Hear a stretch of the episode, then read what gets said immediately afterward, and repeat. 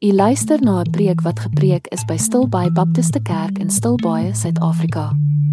Vir meer inligting, besoek asseblief ons webblad by stilbaibaptist.co.za. Mag u geseën word deur God se woord vandag. Ehm um, ja, vandag kyk ons na 'n baie kontroversiële onderwerp. Maar jy mag nie vandag met my beklei nie wat is my verjaarsdag. OK. Ehm um, die die doel van hierdie preek is meer die eerste reël daar as die tweede reël. 'n Oproep tot eenheid aangaande die nasie Israel. En ek wil dadelik van die begin af sê hierdie is nie 'n politieke praatjie nie. Hierdie is nie 'n bespreking oor hoe sleg Hamas was deur wat hulle op 7 Oktober gedoen het nie. Hierdie is nie 'n gesprek of Israel reg of verkeerd was toe hulle besluit het om terug aan te val nie. Hierdie is nie 'n gesprek oor hoeveel grond Palestina nou mag kry nie. Hierdie is 'n Bybelse ondersoek bloot na hierdie een vraag. Is die nasie Israel vandag die volk of nasie van God? Vandag is nie kies jou opinie en ons het 'n vuisgeveg daaroor nie. Nog erger, vandag is nie dis wat ek glo en jy verskil met my en daarom is jy boos. En as jy sleg en jy ken nie die Here nie en jy lees nie jou Bybel nie en mag jy eendag op hierdie wonderlike vlak kom waar ek is. Ek spot maar ek hoor dit te veel in die kerk. Dat mense ander mense vervloek oor dinge waaroor hulle verskil. Hoe maklik breek ons nie groot God se grootste gebod om ander soos onsself lief te hê wanneer ons nie saamstem met hulle interpretasies nie.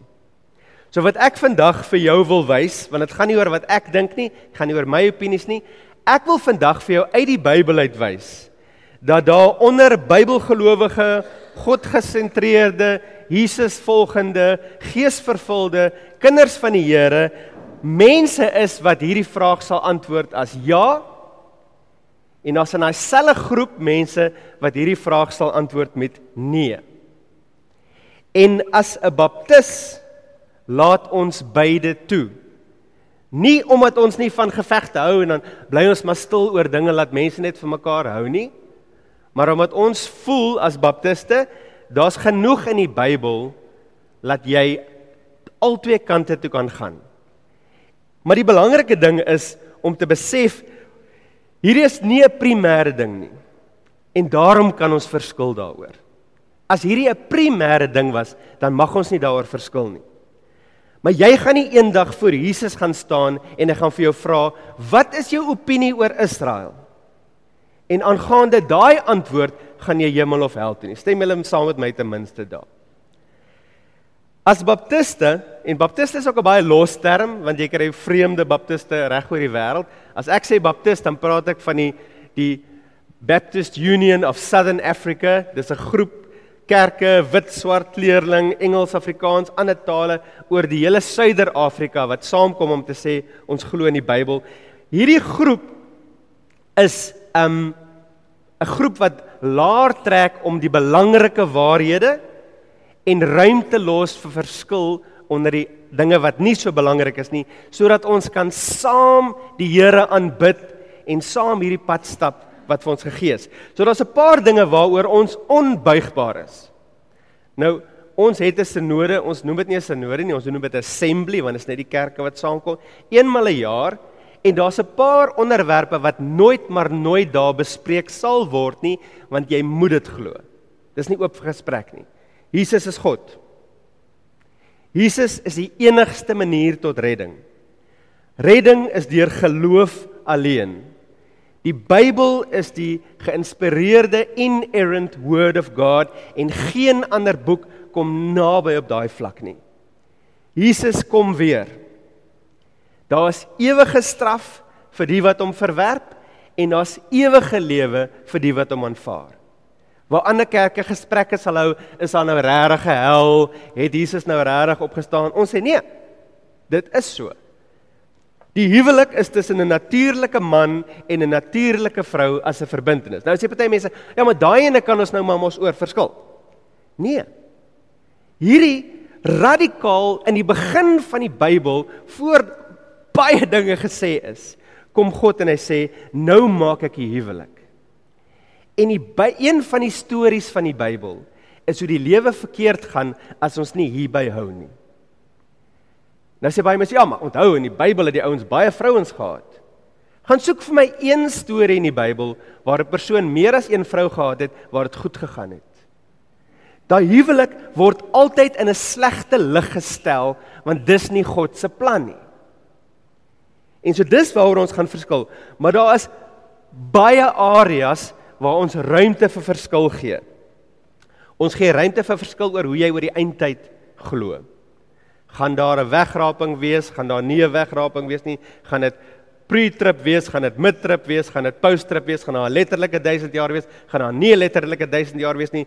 Um is tale nog steeds vir vandag, is tale nie meer vir vandag nie. Hierdie is die areas waar ons ruimte vir interpretasie gee, want ons sê ons hoofdoel is om God lief te hê, mense lief te hê en die evangelie te versprei. En as ons saamstem oor die evangelie en ons stem saam oor wie God is, dan kan ons dit doen, dan kan ons dit saam doen. Nou ek moet nou al vir jou sê, dit maak dit baie keer moeilik om kerk saam te doen as jy oor hierdie dinge verstil, maar die baptiste wil veg vir eenheid. Want die Bybel veg vir eenheid. So wat ons vandag gaan doen is ek gaan vir jou wys die twee kante in hierdie gesprek. Die groep wat sê ja en die groep wat sê nee en ek gaan vir jou met Bybeltekste wys hoekom hierdie groep sê ja en hoekom hierdie groep sê nee. Nou Wat hierdie baie moeilik maak is dat daar's baie nuances in hierdie groep self. Ek mag dalk nou iets oor hierdie groep sê en jy's in hierdie groep en jy sê maar ek stem nie daarmee saam nie. So ek probeer dit baie algemeen hou hierdie twee groepe.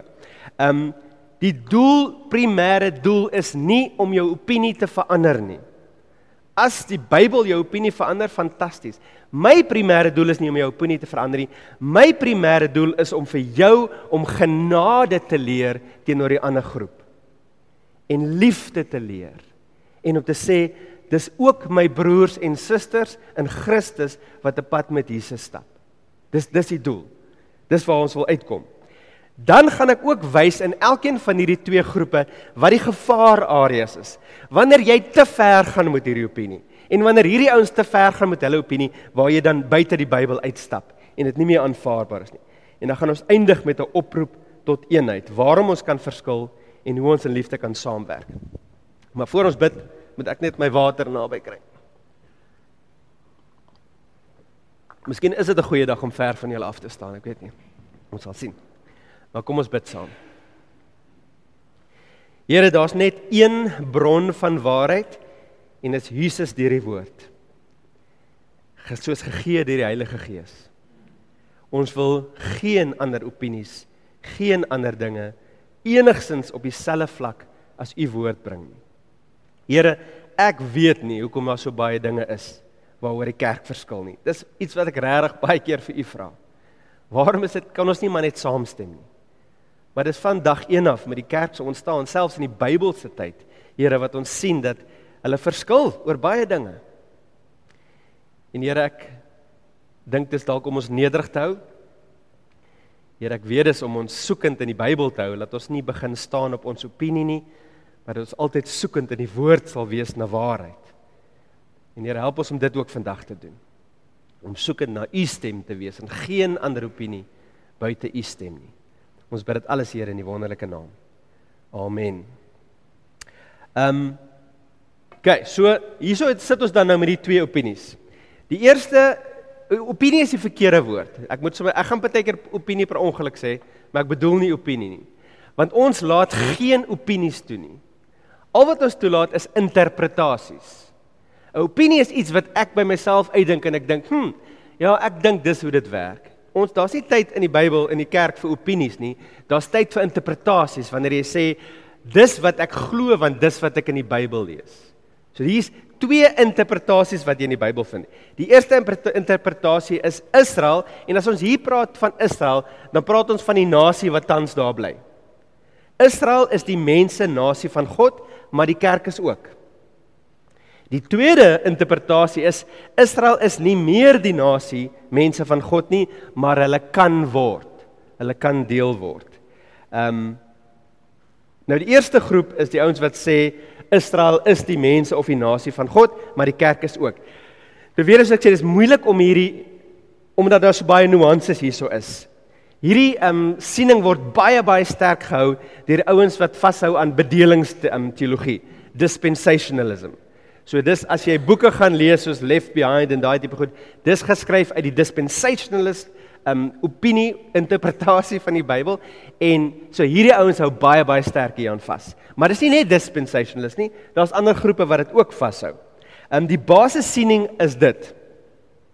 God het 'n verbond met Israel gesluit in die Ou Testament om hulle God te wees en dat hulle sy mense moet wees en dis 'n ewige verbond. Die huidige nasie wat in Israel woon, is die erfgename van hierdie verbond. Daarom is hulle God se nasie en die kerk moet hulle ondersteun. Ek dink dis 'n redelike algemene verstaan van waar hierdie groep is.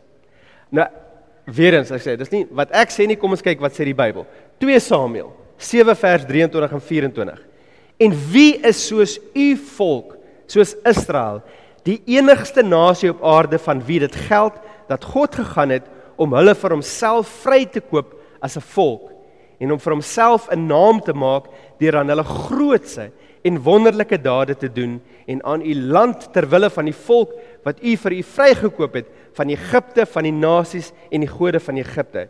U het u volk Israel vir u as volk gevestig vir altyd. U Here, u het hulle God geword. Nou, ons kan nie net na die Ou Testament kyk nie, ons moet na die Nuwe Testament ook kyk. En so Romeine 11 sê vers 1 en 2, my vraag is dan, het God dalk sy volk verstoot? Hoe genaamd nie? Ek is tog ook 'n Israeliet uit die nageslag van Abraham, uit die stam van Benjamin. God het nie sy volk verstoot wat hy reeds tevore gekies het nie. Of weet julle nie wat die skrif oor Elia sê hoe hy hom op God beroep het teen Israel nie? Ek dink julle het nie daai deel gehad nie, maar ek het hom gehad. OK. Lyk nou uitgemaakte saak. En daar's 'n hele paar mense in hierdie kerk wat hierop sal staan en sê dis baie duidelik. Vir altyd is vir altyd. Dis gemaak, dis 'n verbond wat staan En natuurlik is daar nie net hierdie twee verse nie, daar's baie ander, maar ons tyd is beperk. Dis die eerste groep. Die tweede groep is die groep wat sê Israel is nie meer. Met ander woorde, hulle het op 'n tyd geglo Israel was. Israel is nie meer die nasie mense van God nie, maar hulle kan deel word. So hierdie groep dit sê is in die Ou Testament het die Here 'n verbond gesluit met Israel. Het hulle as 'n nasie gekies met die doel om die hele wêreld daardeur te seën. Maar hierdie was die ou verbond wat nie meer staan nie. Nie omdat God sy verbond gebreek het nie, maar omdat God 'n beter verbond gesluit het. Nou iemand het dit so verduidelik. Hy sê as jou pa kom en hy sê vir jou op jou 18de verjaarsdag, ek beloof ek gaan vir jou fiets koop. En jy sien uit na hierdie verjaarsdag. Jy kan nie wag vir die 18de verjaarsdag dat jy jou fiets kry. En jy word wakker en jou pa sê kom kyk buite. En jy gaan buite toe en jy buite kom staan daar 'n kar daarso. Gaan jy sê, "Ah, vat weg, waar's my fiets? Kom. Jy het vir my fiets beloof. Waar's my fiets?" En dis hierdie selfe idee van as God 'n verbond sluit, maar hy bring 'n beter verbond wat daai verbond verbond vervul en inbring in die nuwe ene, dan het hy nie sy verbond gebreek nie. Hy het dit vervang gelei na 'n beter verbond toe. Um en wat hierdie groep dan nou glo is Israel is nie verwerp nie. Israel is nie uitgegooi in hierdie verbond nie, want hierdie nuwe verbond was eerste vir Israel aangebied. Jesus het gesê duidelik, nie ons moet eers na die Jode gaan en ons moet hierdie verbond vir hulle gee dat hulle kan deel word daarvan. Eers later het die nie-Jode deel geword van hierdie verbond. Onder die nuwe verbond is die volk van God nie 'n etniese nasie nie, maar almal wat verlos word. En Israel gee 'n gelyke kans om deel te word, eintlik 'n beter kans. Want hulle het dit eerste gehoor en hulle het meer van 'n fondasie om dit te verstaan. So God het nie opgegee op Israel nie. Ware Israel het Jesus aangeneem en deel geword van hierdie nuwe verbond, nuwe volk en vals Israel het weggeval. Die wat nie in Jesus geglo het nie, vals Israel het weggeval. En so die huidige volk Israel is grootendeels nie God se volk nie, want hulle glo nie in Jesus nie. Nou ons prys die Here vir elke Jood wat Jesus, hulle Messias aanvaar en hulle is deel van die volk van God. Um die, wat is huidige Israel volgens hierdie groep? Dis 'n sekulêre nasie. Dis 'n humanistiese amper westerse nasie wat nie in die ware God glo nie. Dan sê party mense nee, wow wow wow. Hulle glo dalk nie in Jesus nie, maar onthou hulle glo in die Vader en dalk nog die Heilige Gees ook. So 2 uit 3 is dan nie so sleg nie. Wat het Jesus vir die ouens gesê wat hom verwerp het? Julle ken nie die Vader nie. As julle die Vader geken het, sou julle my aanvaar het. So die hierdie groep sê die teken van 'n ware Jood is iemand wat Jesus aanvaar. Die teken van ware Israel is iemand wat Jesus aanvaar. Hierdie groep haat nie Israel nie. Hulle is nie anti-Israel nie. Hulle veg nie teen Israel nie. Hulle sê net daar's 'n nuwe verbond uit alle nasies. Dis God se mense. Nou gaan vir julle 'n paar verse wys. Hosea 1 vers 9 sê: "Die Here sê toe: Noem hom Lo-ami, want julle is nie my volk nie en en ek is nie ek is vir julle nie, die naam Jahweh. Maar die kinders van Israel sal soveel wees soos die sand van die see wat nie afgemeet of getel kan word nie. Op die plek waar vir hulle gesê is julle is Lo-ami, sal ek vir hulle sê kinders van die lewende God."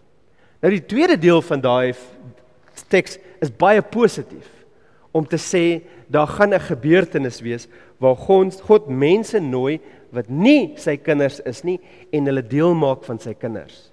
Maar in hierdie teks draai Jesus na Jode toe en sê julle is nie my mense nie. OK. Kom ons gaan ehm um, na die Nuwe Testament toe. In Johannes 1 vers 11 sê dit hy het gekom na wat syne was en tog het sy eie mense hom nie aanvaar nie.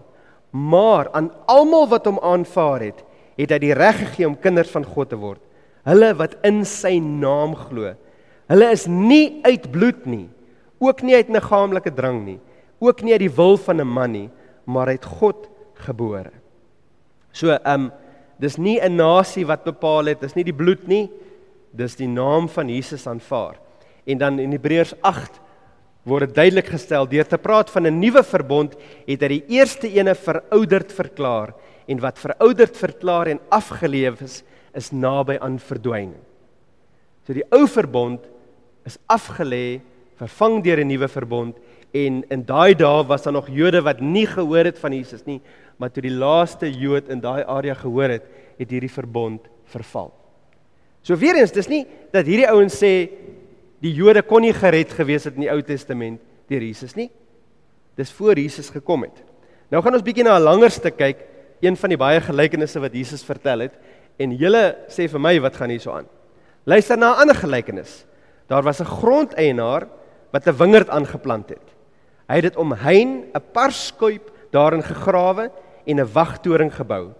Toe het dit toe het hy dit aan landbouers verhuur en op reis gegaan. Toe die oestyd aanbreek, het hy sy slawe na die landbouers gestuur om sy opbrengs te ontvang. Maar die landbouers het sy slawe gegryp, een afgeransel, 'n ander een doodgemaak en nog een gestenig. Hy het weer ander slawe gestuur, nog meer as die eerste en hulle het dieselfde met hulle gedoen. Nou die van julle wat nou al verder gelees het, want hy maak dit baie duidelik. Wie is die grondeienaar hierso? God. Kyk. Wie is die ouens aan wie hy dit uitverhuur het? Israel. OK. Hy het 'n wingerd aangeplant. Nou as jy met baie van die mense praat, gaan hulle vir jou sê wingerd is 'n is 'n teken van Israel. Hy het 'n wingerd aangeplant, hy het dit onheim, toe het hy landbouers verhuur en op reis gegaan.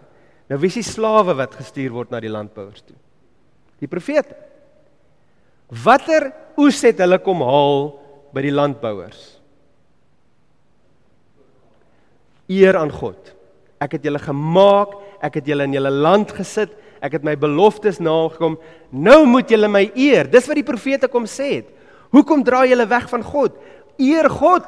Bekeer, kom terug na God toe. Wat het hulle met die profete gemaak? Doodgemaak, verwerp. OK.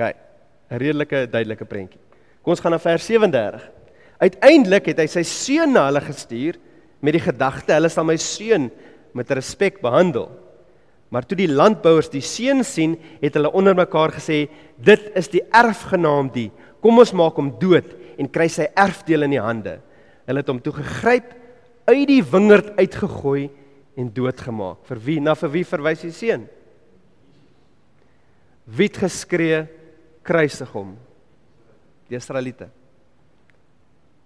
Vers 40. Wanneer die eienaar van die wingerd kom, wat sal hy met daardie landbouers maak? So verwys dit nou na Jesus se eerste koms? Nee, want hy het laas sy seun gestuur. Hier praat ons nou van die wederkoms, die tweede koms. Wanneer die eienaar van die wingerd kom, wat sal hy met daardie landbouers maak? Nou antwoord die Fariseërs hom, die ironie van aloronee, ironie. Hy sal daardie slegte mense 'n akelige dood laat sterf en die wingerd aan ander landbouers verhuur wat aan hom die opbrengs op hulle regte tyd sal lewer. Jesus sê vir hulle: "Het julle nog nooit in die skrifte gelees nie? Die klip wat die bouers afgekeur het, juist dit het die hoeksteen geword." Van die Here het dit gekom en dit is wonderlik in ons oë. Die Fariseer self sê, "Joep, daai ons is sleg. Hulle beter uitgegooi word." En Jesus sê, "Ja, want ek is die hoeksteen waarop die nuwe gebou gebou gaan word." En jy aanvaar die hoeksteen of jy aanvaar nie en jy word gebou daar. Mag mag die Jode inbou daar? Absoluut. Die boodskap het uitgegaan na hulle. Volg Jesus um, bekeer jouself, die koninkryk van God is op hande. Um, dan lees ons verder. Vers 43. Daarom sê ek vir julle, die koninkryk van God sal van julle, met wie praat hy? Israel. Die koninkryk God God sal van julle weggeneem en aan 'n volk gegee word wat die vrugte daarin sal lewer. Wie op hierdie klip val, sal verpletter word en as dit op iemand val, sal dit hom vergruis. Toe die leierpriesters en die fariseërs Jesus se gelykenis hoor, het hulle besef dat hy van hulle praat. Nou het Jesus net van die fariseërs gepraat. Nee, want hy praat van 'n volk. Was net die fariseërs en die leiers skuldig daaraan om om God te verwerp in die Ou Testament? Nee, die volk. Ehm um, hulle wou hom gevange neem, maar was bang vir die skare omdat die hom as 'n profeet beskou het. Waarvoor wou hulle hom gevange neem? Wat is sy crime? Wat waarvoor is hy skuldig? Volgens hulle. Antisemitisme. Jy's teen die Jode. Jy spreek uit teenoor die volk van God.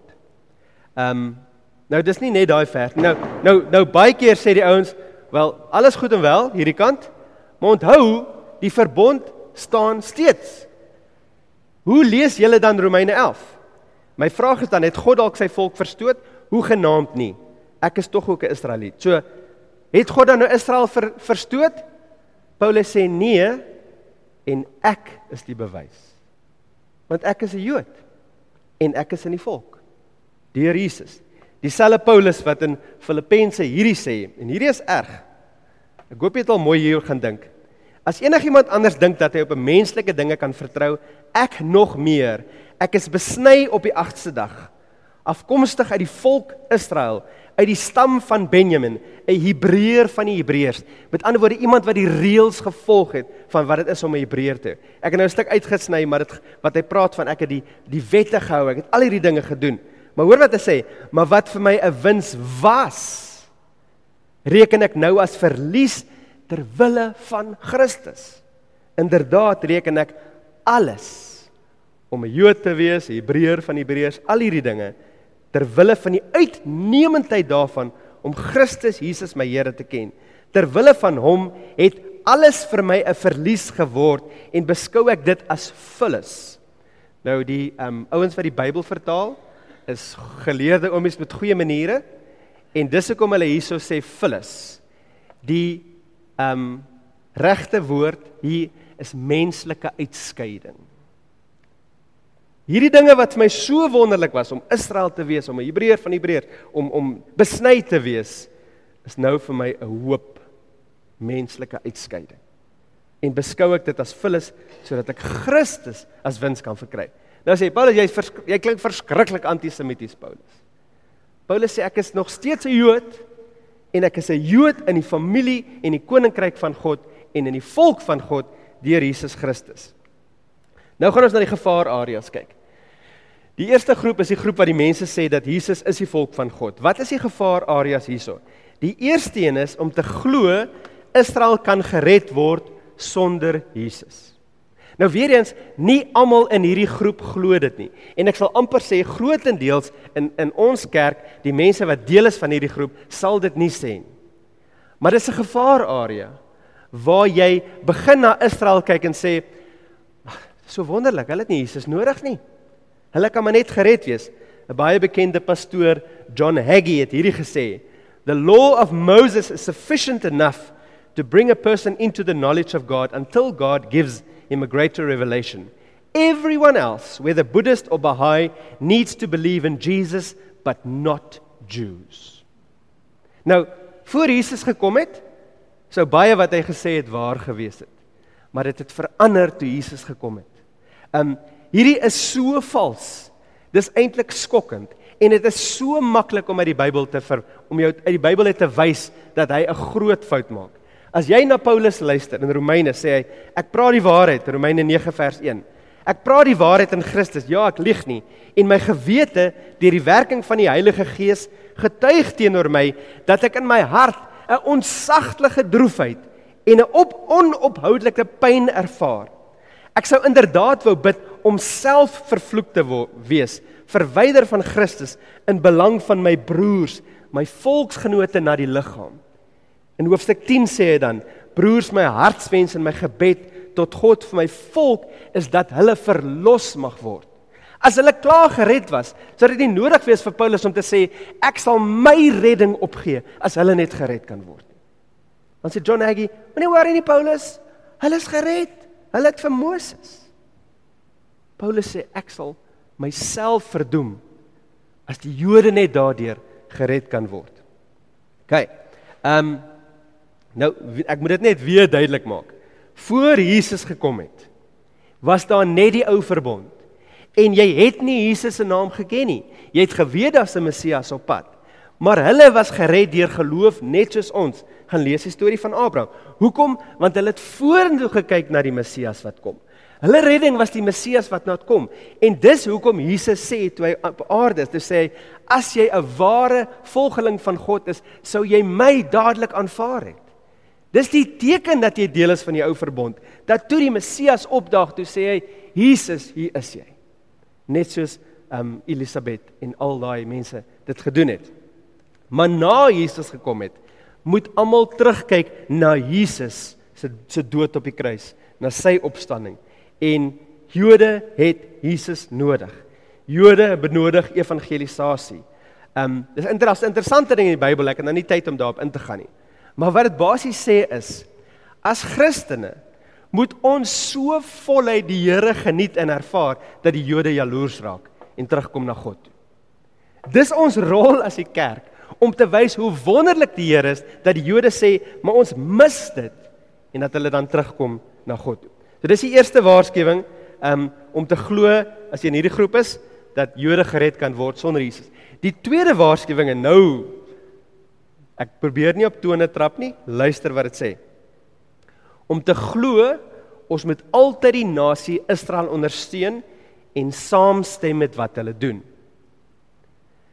Nou kyk, op 'n sekulêre vlak is Israel 'n ligstraal in daardie area.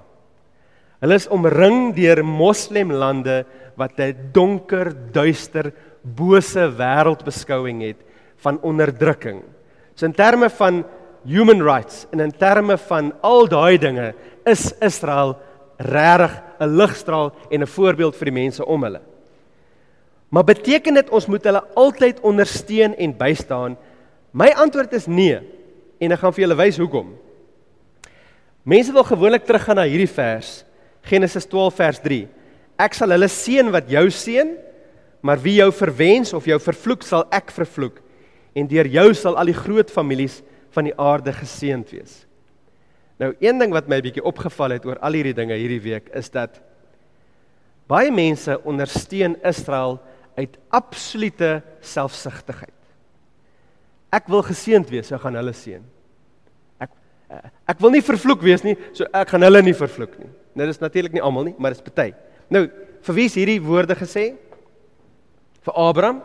So nou daar's 'n 'n debat oor of dit verwys na die volk Israel en of dit verwys na die gelowiges waarvoor die Vader Abraham die vader van alle gelowiges. Maar kom ons aanvaar dat hierdie vers praat oor Israel. En kom ons maak dit selfs nog nouer en ons sê hierdie vers verwys na daai nasie wat tans in Israel woon met die naam Israel. Kom ons aanvaar dit is so. Dan sê hierdie vers, ehm um, jy mag hulle nie vervloek nie en jy moet hulle seën. Dan moet ons vra, maar wat beteken seën? Beteken seën ek stem saam met alles wat iemand doen? Beteken seën ek staan iemand nooit teen nie? Beteken seën dat ek iemand nooit waarsku dat hulle besig is om droog te maak nie? Absoluut nie. As dit die geval is, dan is al die profete vervloek. Hulle het nie, hulle het harde woorde vir Israel gehad. As dit die interpretasie van daai vers was, dan is Paulus vervloek oor wat hy oor Israel gesê het. En as dit die interpretasie van daai vers is, dan is Jesus vervloek oor wat hy oor Israel gesê het. Om iemand te seën is nie om saam te stem met hulle nie. Dis om die Here se beste wil vir hulle toe te bid. Die beste manier wat jy Israel vandag kan seën, is om te sê mag julle oë oopgaan om Jesus te sien. Mag julle op julle knieë neerval en Jesus aanvaar as julle Messias voor dit te laat is en hom aanvaar. Daar's my seëning vir julle. Dis 'n seëning. Dis wat dit beteken om te seën. Ehm um, so nou, en nou is my enigste stukkie politiek wat ek gaan praat. Mag jy saamstem dat Israel na 7 Oktober Gaza kan aanval al gaan baie kinders dood omdat dit is hoe Gaza gekies het of Hamas gekies het om hierdie oorlog te veg. Jy mag saamstem. Mag jy sê ja, Israel was aangeval, maar ek dink regtig hulle moet 'n beter manier kry om terug aan te val as om so baie kinders dood te maak. Jy mag dit sê. Want om 'n seëning uit te spreek kan sê, maar ek dink nie wat julle doen pas in by wat die Here sê in sy woord nie. Nou weer eens, dis een van die twee opinies. Dis nie wat ek sê nie. Dis wat mense sê. OK. Maar ek dink dis onbybels om Israel te ondersteun in alles wat hulle doen. Dis onbybels om te sê ons is vir Israel, want jy verduidelik nie wat bedoel jy daarmee nie. Wat as Israel verkeerde besluite maak? Wat as Israel dinge doen wat loodreg staan teenoor wat Jesus in die Nuwe Testament vir sy mense sê om te doen? Dan kan ons nie sê ons is vir Israel nie. Ons het 'n plig om vir Israel te sê Dit is verkeerd. Hoekom? Omdat ons arrogant is? Glad nie. Omdat ons meer waarheid as hulle het. Ons het meer lig. So kom ons kyk nou na ehm um, so dis die gevaarareas van hierdie groep. Kom ons kyk na die gevaarareas van die ander groep. Die mense wat sê dis nie meer die volk nie. Die eerste gevaararea is om te dink dat God klaar is met Israel.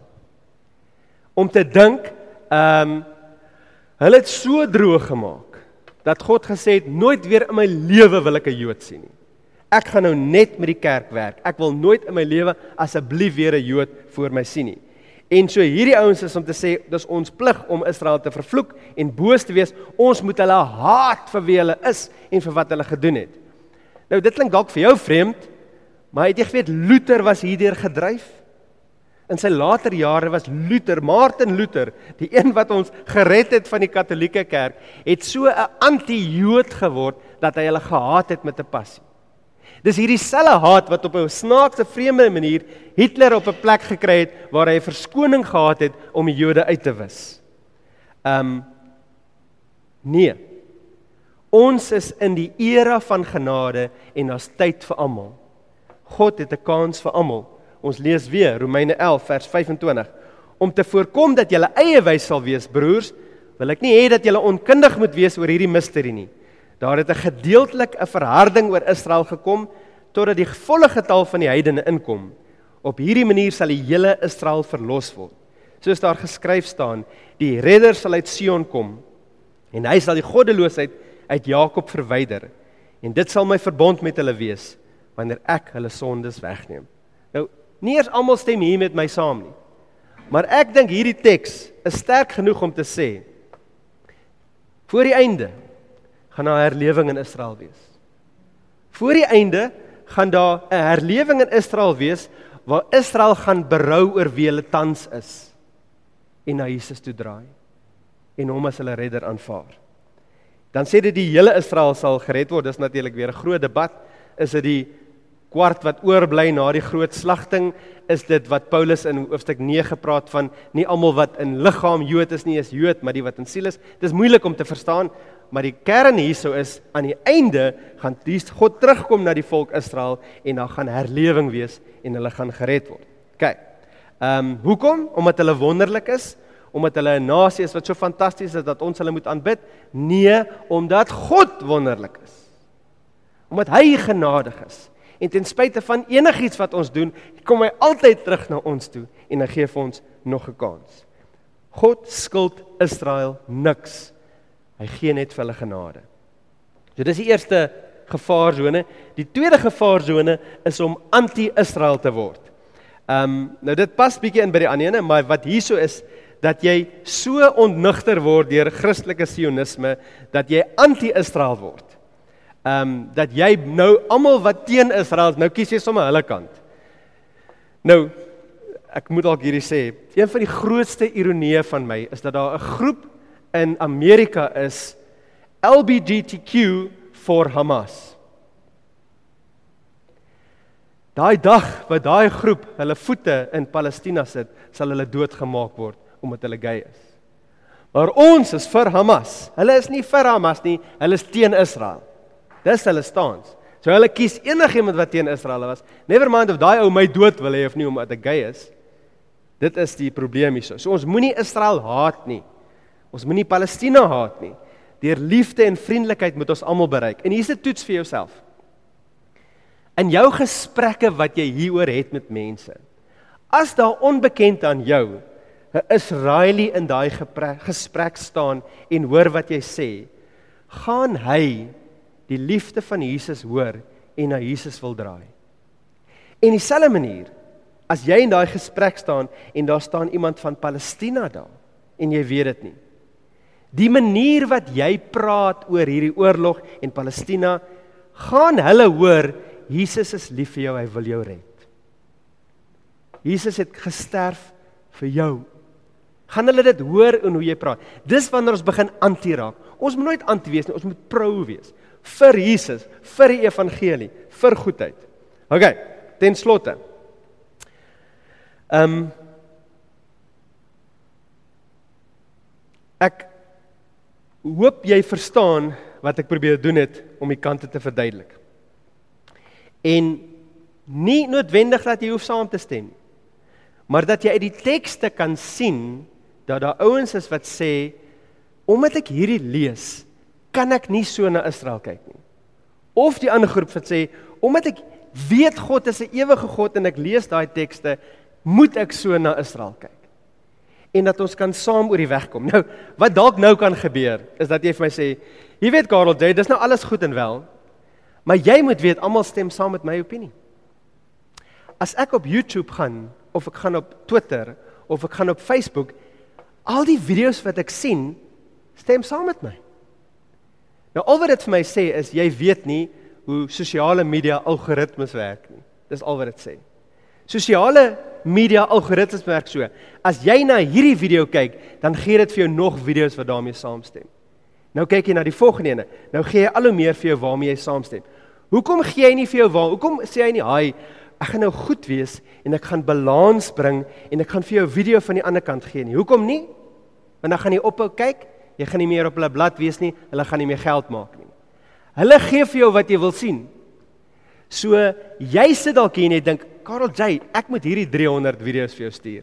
Moet asseblief nie video's vir my stuur nie. Ek kry baie video's en ek kyk meestal nooit daarna nie. Want ek het baie video's in my lewe al kyk en ek kyk liewer na die Bybel. Ehm um, verstaan dat die sosiale media soos jy dit op die oomblik ervaar is vir jou hand en vir jou hart en vir jou kop gemaak sodat hulle jou daar kan hou om nog te kyk en nog te kyk en geld uit jou kan maak. Daar is weer eens soos ek gesê het, Daar's Godgelowige, Jesus gesentreerde, geesvervulde, Bybelgelowige Christene wat met jou gaan verskil. En die vraag is, hoe leef ek saam met daardie persoon? Ehm um, wat is die hoofdoel aan die einde van die dag? Liewe God, liewe mense, maak disippels van alle nasies. Nou, kan ek dit dit doen as ek in hier verskillende groepe hierso is? Ja. Ons kan saam lief wees vir God. Ons kan saam lief wees vir Israel en vir Palestina met 'n met 'n verlossingsliefde. Nie 'n aanvaardingsliefde en ons stem saam met dat jy doen liefde nie. 'n Verlossingsliefde om te sê ons wil jou die liefde en die genade van Jesus wys. Kan ons uitgaan en vir Jode van Jesus vertel? Kan ons uitgaan en mense van Palestina van Jesus vertel? Ons kan nie, ons moet. Maar een ding wat ek ook mee en ek gaan hiermee eindig. Die meeste van ons bly nie in Israel nie. En die meeste van ons bly nie in Palestina nie. As jy meer tyd spandeer op 'n dag om te dink aan Palestina en Israel as in Suid-Afrika, het jy jou sendingveld gemis. Hoe kan die duiwel dit regkry dat jy nie evangeliseer en liefde wys vir die mense om jou nie? Deur jou voor jou rekenaar of jou foon te kyk en net Israel en Palestina goed deeldag te kyk. And never mind die mense om jou wat hel toe gaan.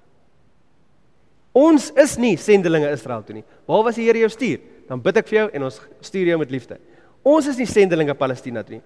Ons is mense wat hulle moet dra in gebed. Ons is mense wat waarheid van Jesus moet verkondig. Maar hier is ons, Stilbaai, Suid-Afrika. Hier is mense wat Jesus moet kies. Hier is mense wat Jesus se liefde moet ervaar. Sit jou fokus hier. Leer die mense om jou ken.